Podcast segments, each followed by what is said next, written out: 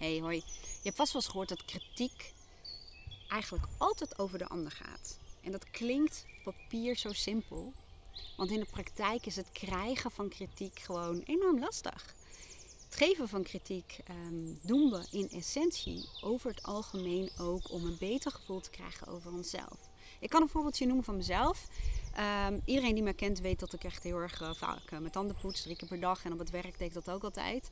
En um, Aaron is daar gewoon minder secuur in. Of die, laten we het zo zeggen, die let wat minder op Luca, hoe vaak hij zijn tanden poetst. En op het moment dat ik dus tegen hem zeg van... Ja, hou je wel in de gaten dat Luca zijn tanden poetst? Of heeft hij zijn tanden wel goed geflost? Dan is het eigenlijk een deel in mij dat wil horen van... Kijk hoe goed ik het doe. Ik hou je zoon in de gaten. Ik ben heel zorgzaam. Ik ben een hele goede stiefmoeder. Want ik vind het belangrijk dat hij zijn tanden goed poetst. Klinkt heel raar, heel suf voorbeeld. Maar het is vaak wel zo. Als je kritiek geeft, is dat vaak vanuit een deel van jou dat erkenning wil hebben. In mijn geval met de tandenpoetsen is gewoon een stukje dat erkenning wil hebben van... Zie jij wel hoe goed ik voor jouw zoon zorg? Hoe betrokken ik ben? Nogmaals, het klinkt als een heel suf voorbeeld. Maar het illustreert wel wat vaak de reden is waarom we kritiek geven. Bijvoorbeeld iemand die keihard werkt, heel veel uren maakt. En die zit naast iemand die, uh, nou ja, die part-time werkt of bijna niet. En die geeft hem kritiek. Van ja, jij zit met je luie reet op de bank en ik zit de hele dag te werken. Dankzij mij kun jij een uitkering krijgen. Ik noem maar even wat. Hè. Heel vaak is die kritiek vanuit een stemmetje dat we horen van... Zie je niet hoe goed ik bezig ben? Ik werk hartstikke hard. Ik ben goed genoeg. Heel vaak hebben we onderliggende overtuigingen. Bijvoorbeeld in het geval van die persoon dat je moet presteren om goed genoeg te zijn. Of dat je heel hard moet werken om goed genoeg te zijn. En een ander die bijvoorbeeld het tegenovergestelde gedrag laat zien, laat ons A vaak een verstoten deel in ons zien. Vaak een deel wat we onszelf niet gunnen of wat er van onszelf niet mag zijn. En het is vaak een stemmetje dat we horen: jij bent lui en ik werk heel hard, dus ik ben goed genoeg. Dus ik weet niet of je dat herkent. Nou, hoe jij hiermee kan werken. Het kan eigenlijk in twee kanten opgaan. Het betekent eigenlijk dat je altijd regie hebt over jezelf als het gaat om kritiek. Dat je dus altijd zelf mee kan werken. En wat bedoel ik daarmee? Vanmorgen kreeg ik van iemand feedback dat een spraakberichtje van mij eigenlijk veel te lang was. Dat hij helemaal afgehaakt was. Op dat moment voel ik dat overal in mijn lichaam. Ik voel me echt geraakt. Ik was even van de slag. Dan ga ik heel even achterover zitten en ik realiseer mij dat het een stemmetje is in mij, een deel van mij wat geraakt wordt. Maar wat ik me ook realiseerde, is dat er ook een deel van mij wist: dit is absoluut waar. Hij heeft gewoon gelijk. Het is ook zo. Het is absoluut een valkuil van mij. Dus ik ben heel even achterover gaan zitten en ik luisterde eigenlijk naar al die verschillende ja, kanten in mezelf. En ik realiseerde mij dat die kritiek op verschillende manieren iets met mij deed.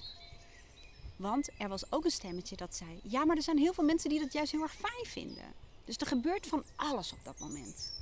Door heel even letterlijk en figuurlijk een stapje achteruit te doen. Ze noemen dat in de voice dialogue methode die ik vaak gebruik. Dat je je bewuste ego inzet, dus je bewustzijn inzet. Zodat je niet primair namens die kanten reageert. Door heel even te denken, oh ja, dit is niet... Dit, dit, ja, hoe moet ik dat nou zeggen? Dit is niet wie ik ben. Er zijn gewoon verschillende delen in mij die nu geraakt worden. Door even achterover te gaan zitten en dan vervolgens te denken: wat wil ik hiermee?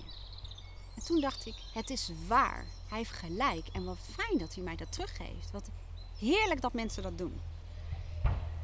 En ik dacht: wat zou ik daar nou mee kunnen? En toen dacht ik: ja, ik ga oefenen om sneller tot de kern te komen. Om meer focus aan te brengen. En om bepaalde berichten korter te maken. Want dat zal twee doelgroepen dienen. De mensen die momenteel afhaken omdat het te lang is. En de mensen die het fijn vinden als berichten langer zijn. Want er zit veel meer structuur en focus in. En die andere mensen blijven misschien wat langer hangen.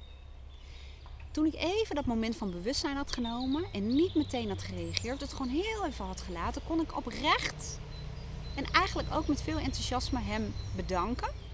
En kon ik meteen aan de slag met, nou ja, een soort van verbeterpunt. Dus als jij kritiek krijgt, realiseer je dan dat je vaak vanuit een bepaald stemmetje in jou, een bepaald deel in jou reageert. En dat het helpt om heel even je te realiseren dat dat het geval is.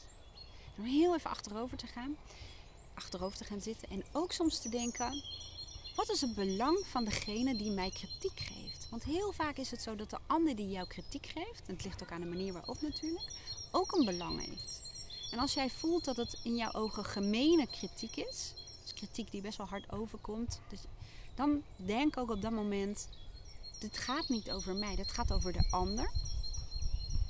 En probeer eens even na te gaan zonder daarvoor in te vullen. Wat zou het belang van die ander kunnen zijn? Wat wil die misschien wel horen? Of vanuit welk stemmetje geeft die ander mij kritiek? Door het steeds vaker te gaan doen, zul je merken dat je het minder persoonlijk neemt en dat je veel bewuster feedback kan geven en dat je veel bewuster kritiek kunt ontvangen. Ik hoop dat je hier iets aan had.